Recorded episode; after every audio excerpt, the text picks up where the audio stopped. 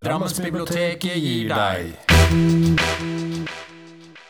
Hei, og velkommen til Drammensbiblioteket. Eh, Og dette er Litteratur til lunsj og Drammensbibliotekenes podkast.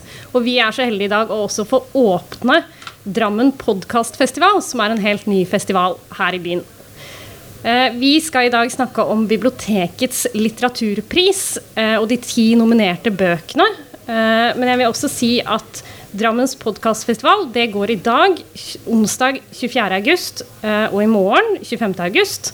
eh, I hele Drammen. Eh, Og dere kan gå inn på Facebook-siden til Drammens podkastfestival for å se hva som foregår. Og hvis dere ikke har tid til å dra og se alt live, så blir jo alt tatt opp som podkast, og dere kan høre det i ettertid også. Jeg vet at veldig mange gleder seg til i kveld så kommer Asle Toje på Bar Liberal klokken 20.00 eh, her på Drammensbiblioteket. Jeg har med meg eh, tre bibliotekarer og litteraturformidlere fra Drammensbibliotekene. Eh, og vi skal snakke om da bibliotekets litteraturpris, som er en helt ny litteraturpris her i landet. Jeg syns denne prisen er veldig spennende, for den er stemt frem. De nominerte er stemt frem av bibliotekarer fra åtte av landets største bibliotek. Eh, og det er eh, et verk utgitt på norsk i løpet av de siste fem årene. Men altså, det kan også være oversatt litteratur. Eh, og eh, alle dere som er her i dag, og dere som hører på, kan stemme på deres favorittbok eh, på biblioteketslitteraturpris.no helt frem til 24. oktober. Så det betyr at dere også har litt tid til å lese dere opp på de i mellomtiden. Eh, det jeg syns er fint med den prisen, her er at det er så bredt eh, hva som er plukket ut. Så her har vi syv romaner. Vi har også to sakprosabøker, og vi har en tegneserie. Eh, og det er veldig stor variasjon i de bøkene som er blitt nominert. Så her er det virkelig noe for alle. Og selvfølgelig noen bøker som ikke alle liker like godt.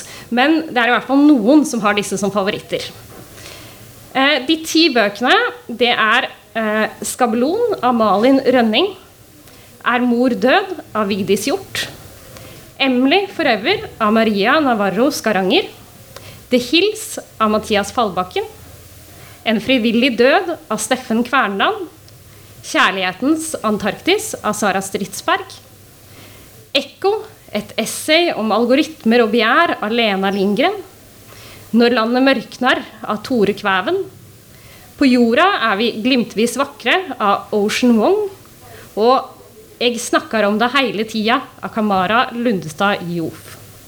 Jeg tenkte vi skulle begynne med 'Skabelon' av Malin Rønning, som kom ut i 2020.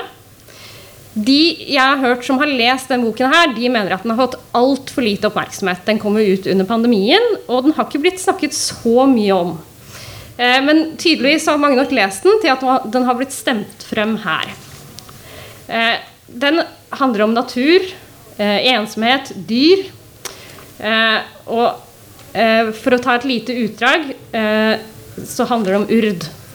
Og urd har et skarpt blikk for alle slags dyr, insekter, døde og levende. Ravner, rever, kråker, fluer, dyreskjeletter og hodeskaller. Og en varhet for mørke og bortgjemte steder. Drømmer, grotter, hull i bakken og skjulte rom i huset. Og Arne, du har jo lest denne boken her. Ja, jeg er vel den eneste her i laget som har lest denne boka her. Og det, som du sier, er ei bok som fortjener langt mer merksemd enn det den har fått. Så jeg vil rå de andre tre bibliotekarene til å komme seg hjem etter podkastinnspillinga og lese boka. Dette her er jo en ganske særegen og taktil fortelling, har jeg lyst til å si. Um, du har jo vært litt inne på handlinga allerede, men jeg kan jo supplere litt. Det er jo, eh, handler jo om en familie. Eh, mor, far, hele åtte unger. Som eh, bor litt på utsida av samfunnet, kan en si. I en eh, skog. En navnløs skog eh, utenfor en navnløs by. Det er ei vær som minner om vår egen, men der det likevel alltid er et eller annet litt off.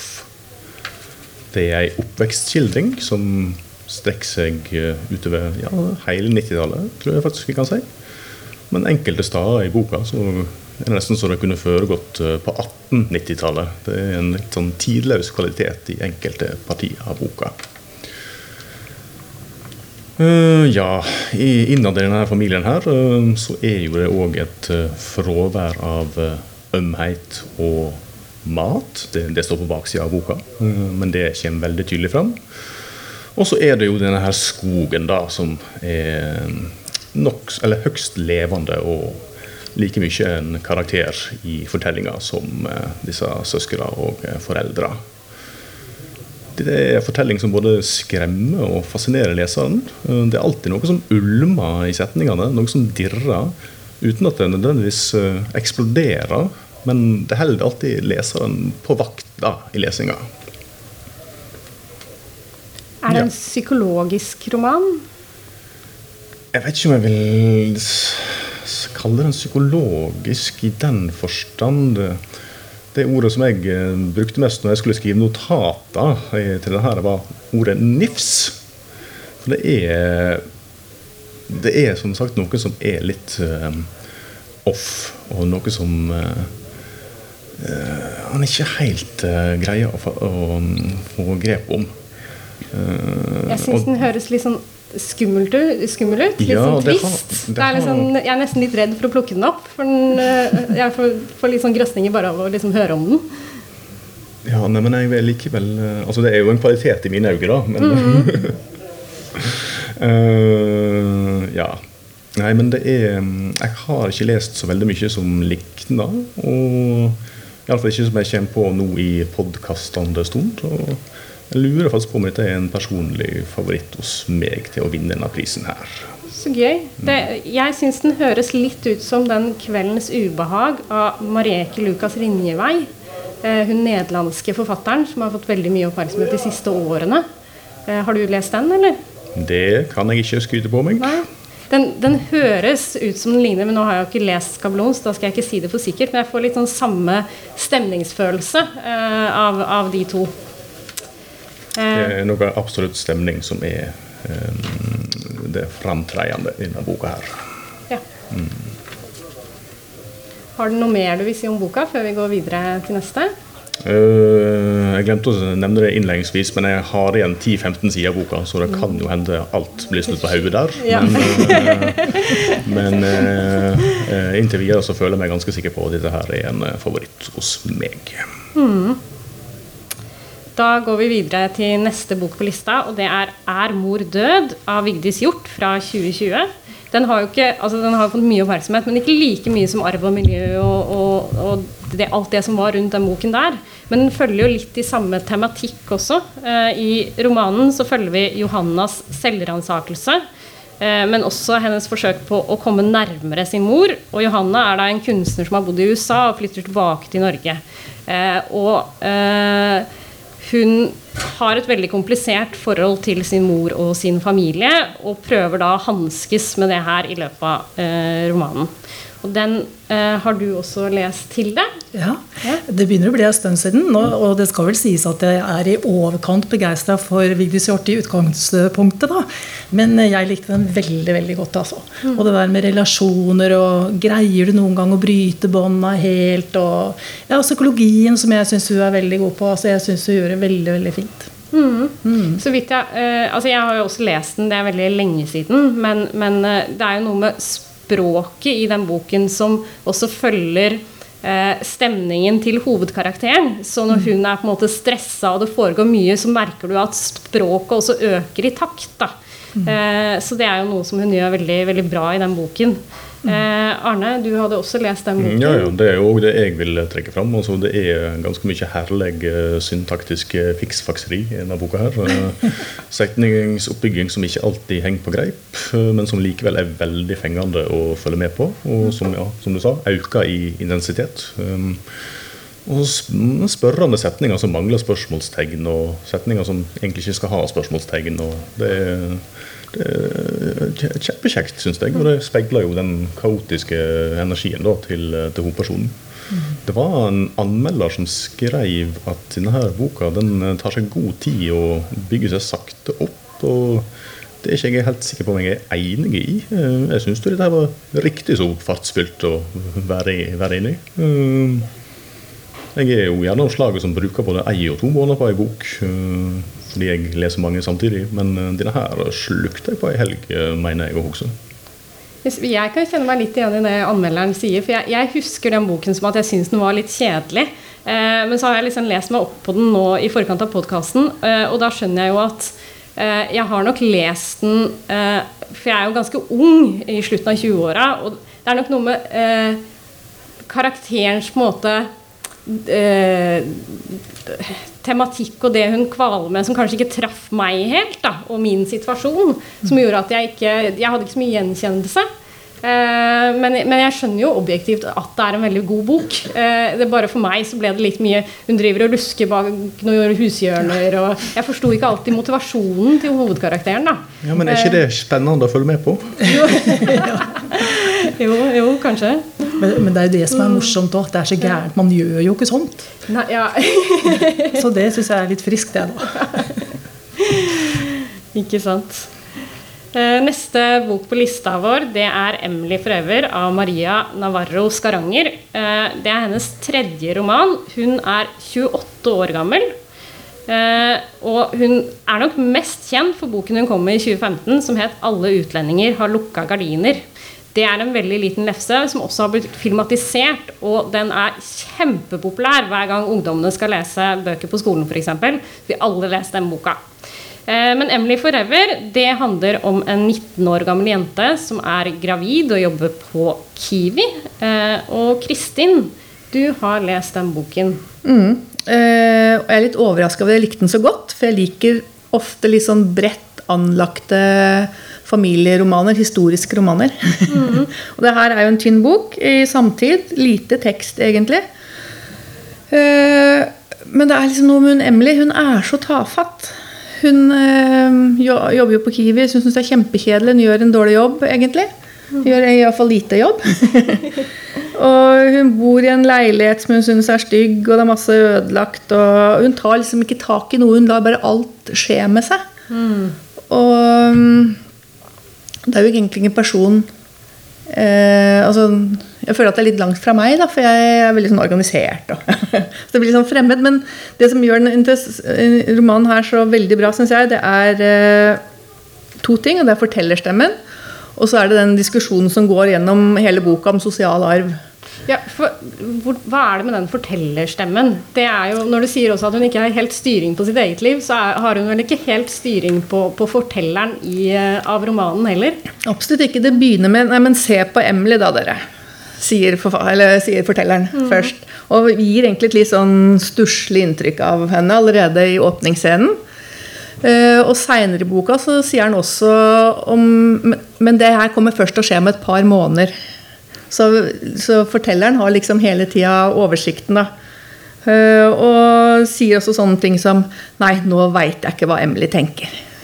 Så det, liksom, så det gjør det litt morsomt om det opp. grepet på hovedpersonen? Ja, liksom, det her går ikke an å forklare, liksom. Så, eh, og det viser også hvordan alle rundt Emily ser på Emily og tenker. Og ja, det, det, det er et veldig morsomt grep, syns jeg. Som gjør noe med at eh, boka blir mer interessant og morsom enn om vi bare hadde hørt Emily fortelle om alt som er trist sjøl. Mm. Hvem er det som er rundt henne, da? Det er jo primært mora, som jeg har lest mange syns Jeg har diskutert boka med flere, og de syns mora er altfor pågående. Hun prøver å hjelpe Emily. Men jeg tenker bare på hun mammaen som full av kjærlighet og omsorg. Hun prøver å hjelpe til, og mammaen har veldig dårlig samvittighet for at Emily får barn og blir gravid. Og, vok- og liksom, det gjentar seg, da, for hun var alenemor, og mora hennes var alenemor. Og mammaen må hjelpe Emily masse med i forhold til Nav og i forhold til å holde orden i huset. Og hun føler liksom veldig på det at det er noe hun har arva. Eh, og, ja. Og at hun ikke helt har kontroll over det selv? Eller at Ja. det er noe som skjer med henne uten, utenfor hennes kontroll? Ikke sant? Eh, og det er ikke noe barnefar inne i bildet? Eh, nei. Eh, hun har vel møtt pappaen sin én gang i livet.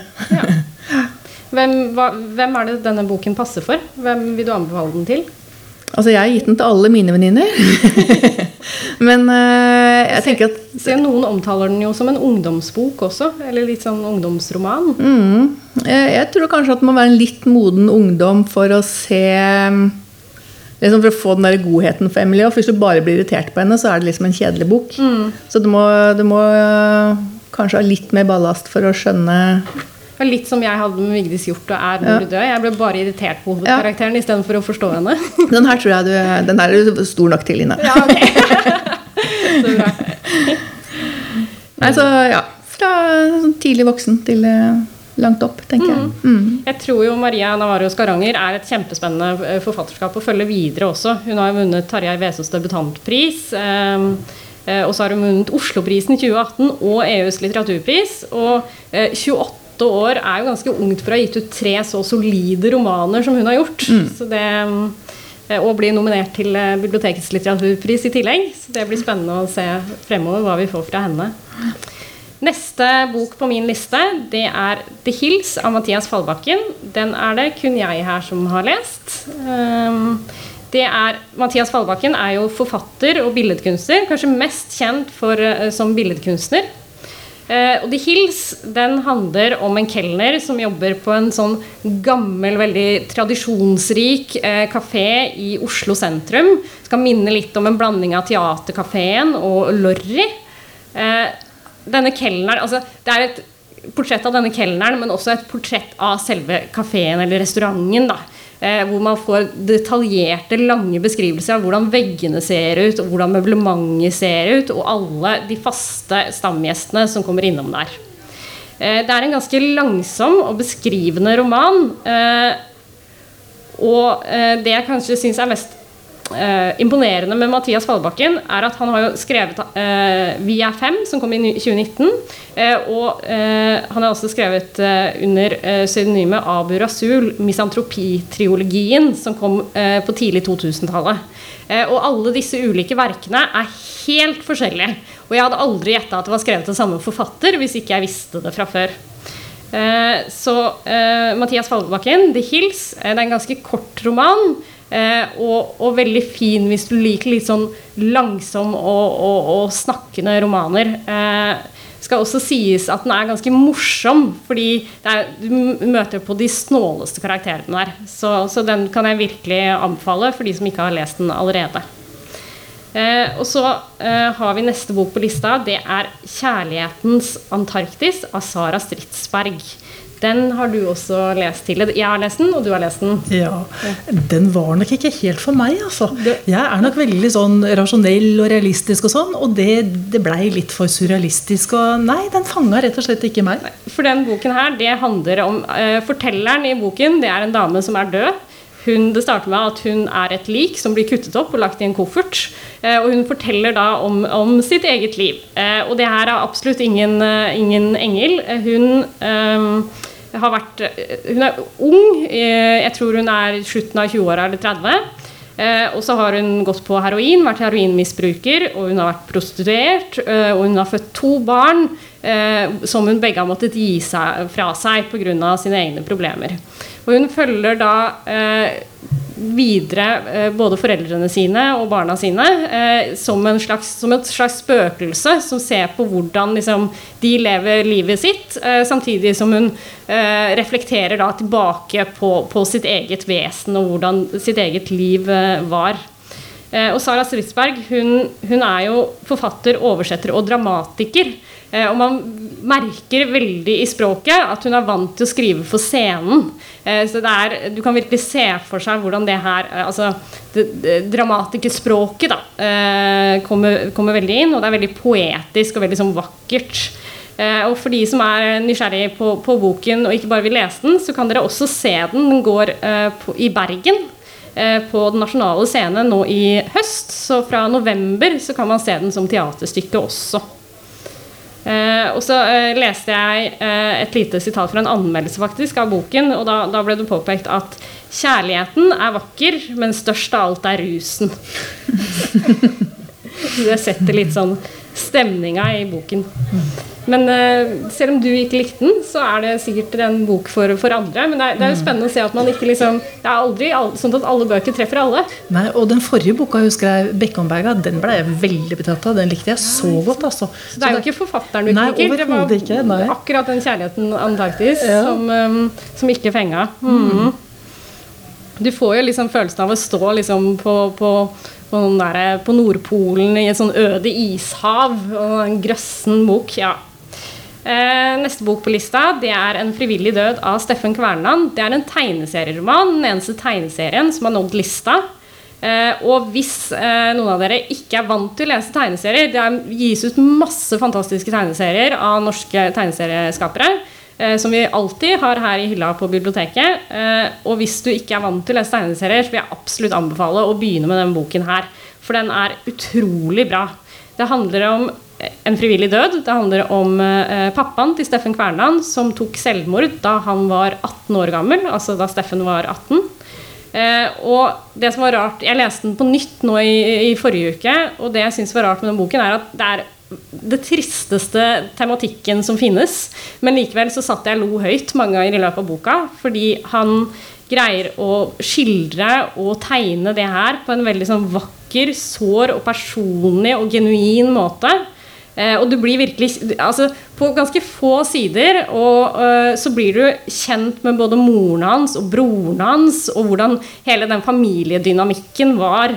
Eh, og, og Steffen Kvernan gjør et veldig sånn eh, vellykka forsøk på å gå inn i farens psykologi. Hvor han både er sønnen, men også greier å stille seg litt utenfor og prøve å forstå hva er det i et menneske som gjør at han velger å ta sitt eget liv. Eh, og det ligger jo også i bakgrunnen her at det var kalkulert. Eh, faren hadde planlagt over ganske lang tid at når alle mine sønner er eh, myndige, da er jeg ferdig. Eh, så det, det er eh, en, en veldig, veldig fin bok. Eh, og han greier også å fange et sånt historisk bilde av, av eh, faren hvor han eh, Faren tilhører jo en helt annen generasjon enn han selv, og, og enn det vi er i dag. Eh, så, så det syns jeg også er veldig, veldig godt gjort. Neste på lista mi er eh, 'På jorda er vi glimtvis vakre' av eh, Ocean Wong. Det er en vietnamesk-amerikansk poet eh, og debutroman. da Han har skrevet poesi tidligere. Eh, den har Vietnamkrigen som bakteppe, så vidt jeg har forstått. Og så er den oversatt til nynorsk. Og du har lest den boken her, Hilde. Og jeg ble veldig veldig betatt. Altså, han er poet, og det, det merker du veldig på språket. Altså, det er noen metaforer og noen setninger som bare går rett inn. Eh, han er i slutten av 20-åra, og han er faktisk den første i sin familie som har lært å lese, så det er kanskje også derfor han er eh, i overkant opptatt av språk. Da. Eh, mora, bestemora og han kommer eh, til USA fra Vietnam. Eh, bestemora var slave under Vietnamkrigen for de amerikanske soldatene. Og mora er et resultat av dette. Mora som aldri var gul nok i Vietnam, og som aldri ble hvit nok i USA. Og hun jobber og sliter alt eh, hun kan for å prøve å gi gutten sin ei bedre framtid. Men hennes mantra det er at alt som er bedre, er alltid et annet sted. Og han blir innprenta at han må aldri tiltrekke seg oppmerksomhet, for han er jo allerede gul. Eh, hun er jo traumatisert, og hun slår. Men eh, han er allikevel ikke bitter på det, guttungen, for han prøver å forstå henne. Og han ser henne også som ei mor, og det er jo godt gjort. Og bestemor prøver hele tida å hele og, og gjøre det beste hun kan for at ikke den der volden skal bli så for voldsom for han. Eh, Mora har også store språklige utfordringer. Og Ocean, både som gutt og jo eldre han blir, så ser han hvor lita mora blir når hun kommer til kort, når hun mangler ord, sier han. Han prøver å få henne til å, å lære å lese, men hun gir opp. Og han bestemmer seg for at han skal i hvert fall aldri mangle ord, og det har han jo greid å overholde, da. Eh, Etter hvert så får han seg jobb på en gård, og der treffer han eh, Trevor, en jevnaldrende som også har en utfordrende hverdag. De blir venner. Ocean blir sett og han har ikke blitt sett av så veldig mange. Og etter hvert så blir de også elskere, og det er også en veldig fin bit i, eh, i den boka der. Hvordan de leiter seg fram til hverandre. Først til vennskapet, og så etter hvert hvor de tør å, å kjenne på den der homofile biten og prøve seg fram som elskere og, og tør å leve det ut. Og det er så gnistrende og utrolig sanselig og vakkert beskrevet. Altså. Men den godeste Trevor han blir skadet i en ulykke og får foreskrevet opiater. Og blir selvfølgelig misbruker, da. Og det ødelegger alt for, for dem og for flere andre av, av, Oceans venner. Og Ocean sier det at han skulle så veldig gjerne truffet den mannen som ble milliardær på sorg. Og det, ja. Eh, han reiser ut for å studere, og når han reiser hjem etter studiene, så håper han at han finner en grunn til å bli. Så det er mye som er sårt og vondt og brutalt, men det er også veldig, veldig vakkert skrevet. Altså. Og det gjorde veldig inntrykk på meg, i hvert fall. Og det er jo mange store tema her, da. Mm. Det virker som en roman som rommer veldig mye på en ja, gang. Ja, også det språket. Mm. ja, jeg fikk i hvert fall lyst til å lese den nå. Det Eh, det, det, jeg også syns er gøy med denne bibliotekets litteraturpris, er jo sånn som den boken her, som er uh, utgitt i USA uh, for første gang. Det er jo at kravet for å være med på bibliotekets litteraturpris er at det er oversatt til norsk, eller at det er utgitt på norsk. Men prisvinneren kan være hvem som helst fra, fra, hele verden, så lenge det er oversatt til norsk. Mm. Siste bok på lista her, det er 'Jeg snakker om det hele tida' av Kamara Lundestad Jof. Eh, det er beskrives som eh, et vitnemål, en appell og en sjølransaking. Eh, Kamara Lundestad Jof hun er født i Norge med norsk mor og gambisk far. og Boka skildrer hvordan rasismen hun opplever, infiserer hverdagen og styrer tankene hennes. Det handler om den store, grove rasismen, men også om hverdagsrasismen, som er, kan være bitte små hint som hun gjennom et helt liv opplever så mange ganger, og som ikke nødvendigvis er vondt ment, eh, men som, som, det er viktig at eh, vi snakker om, sånn at vi forstår at det oppleves som rasistisk, og, og, at det ligger ting bak der som man kanskje ikke er bevisst på da, i måten man snakker på. Mm. Eh, Arne og Kristin, dere har også lest denne boken her. Hva, hva syntes dere om den? Jeg likte den veldig godt. Jeg tenkte liksom Som uh, hvit dame 49 så er det litt vanskelig å snakke om den. Redd, redd for å liksom, tråkke feil. Men uh, jeg syns det er veldig interessant hvordan uh, altså her, Hun opplever jo veldig mange former for rasisme. Fra de helt grusomme altså overfall og vold mm. til som du sier, en del sånn fordommer som kanskje ikke er vondt ment, men allikevel blir mye. da, Sånn som hun går på, skal på flyet så får de beskjed om at nå skal business class gå på først. Og så sier den som står i skranken at ja, nå var det business class. Akkurat som en selvfølge at hun ikke skulle der. ikke sant? Ja. Mm. Det er selvfølgelig også en stygg ting, men det er også min, mindre graverende ting. Men så, men så sier hun jo også etter hvert at hun kanskje trekker litt langt også. For hun uh, sitter i en bar, og så er det en mann som vil kjøpe en øl til henne. Og hennes reaksjon da, er at han tror han kan kjøpe meg fordi at det er mange afrikanske damer som trekker på gata i Oslo. Så hun, så hun, liksom, hun ser jo selv at hun tar alltid i verste mening. noen ja, ganger Hun blir liksom paranoid også. Mm. Det er jo fordi hun opplever så mye av det. ikke sant? Ja. Ja. Men hun ser jo sjøl at det kan være vanskelig å At det er lett å gjøre feil da, hvis, hvis alt blir oppfatta feil. Mm.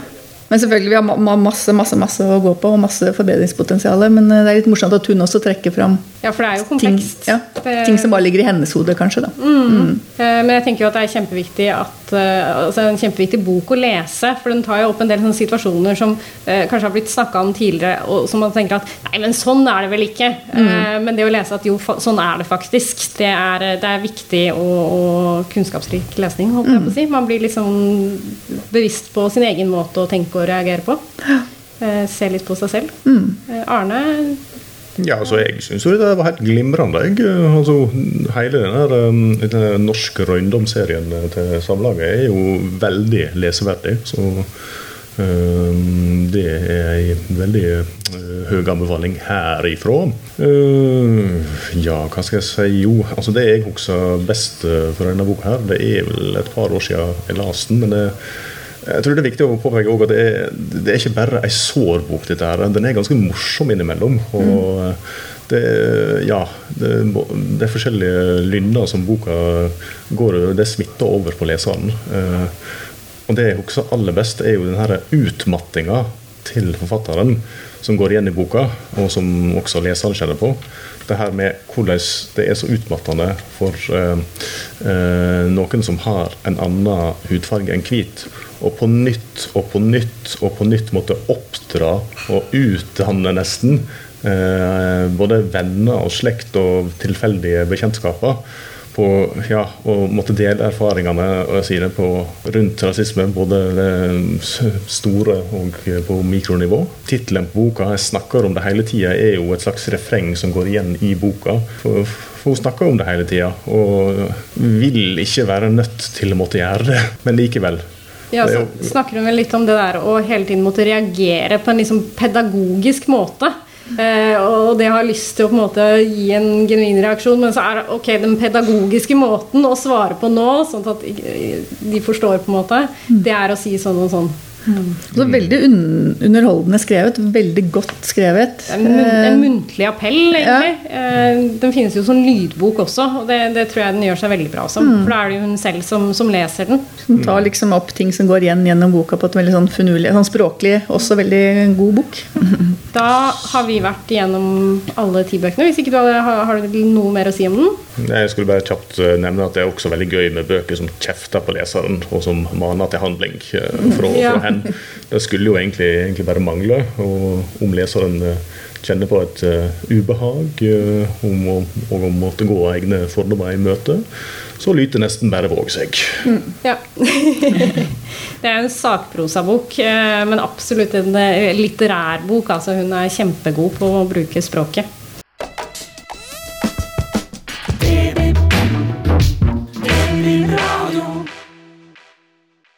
Hei, det her er Ina igjen. Eh, da var det litt tekniske problemer, så det var to av bøkene vi snakket om på podkasten som falt ut.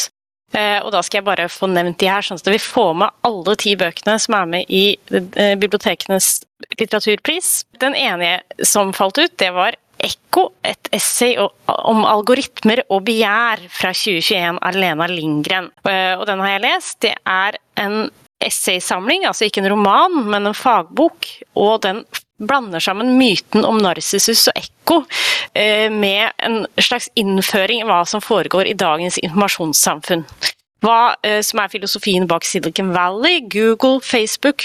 Hvordan algoritmer og sånn big data-innsamling er og fungerer. Og det er superkomplisert, syns jeg, men eh, Lena Lindgren hun skriver på en sånn litt lett og ledig måte eh, som fungerer veldig bra, og den er ikke så tykk, uh, og du lærer masse, masse underveis. Den fletter på en måte politikk, mytologi, psykologi og vitenskap sammen på en veldig sånn elegant og underholdende og dyktig måte. Så den vil jeg absolutt anbefale alle å lese, og det er min personlige favoritt Eh, til denne prisen, så, så får vi se eh, om den slår, eh, slår, de andre.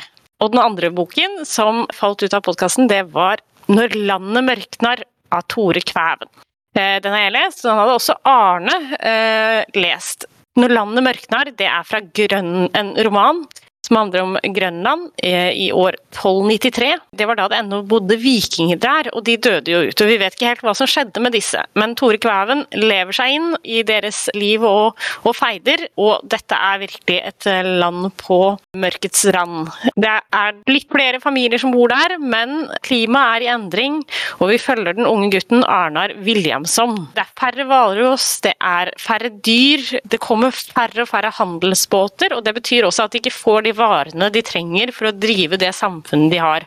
Det er f.eks. ikke trær på Grønland, så, så, det eneste de får av trær, er drivved. Og når det blir sjeldnere og sjeldnere, så får man heller ikke laga seg båt til eh, å kunne dra bort fra øya man bor på. Det er en episk roman som handler om kjærlighet, mot og drømmer. Uh, og det er virkelig en sivilisasjon i fall, med morkne båter og, og slitte hus og krangling og, og krig og elendighet. Men, uh, men veldig veldig, spennende og veldig, veldig godt skrevet. Så den kan jeg absolutt, absolutt anbefale. Det var de to siste bøkene til Bibliotekets litteraturpris.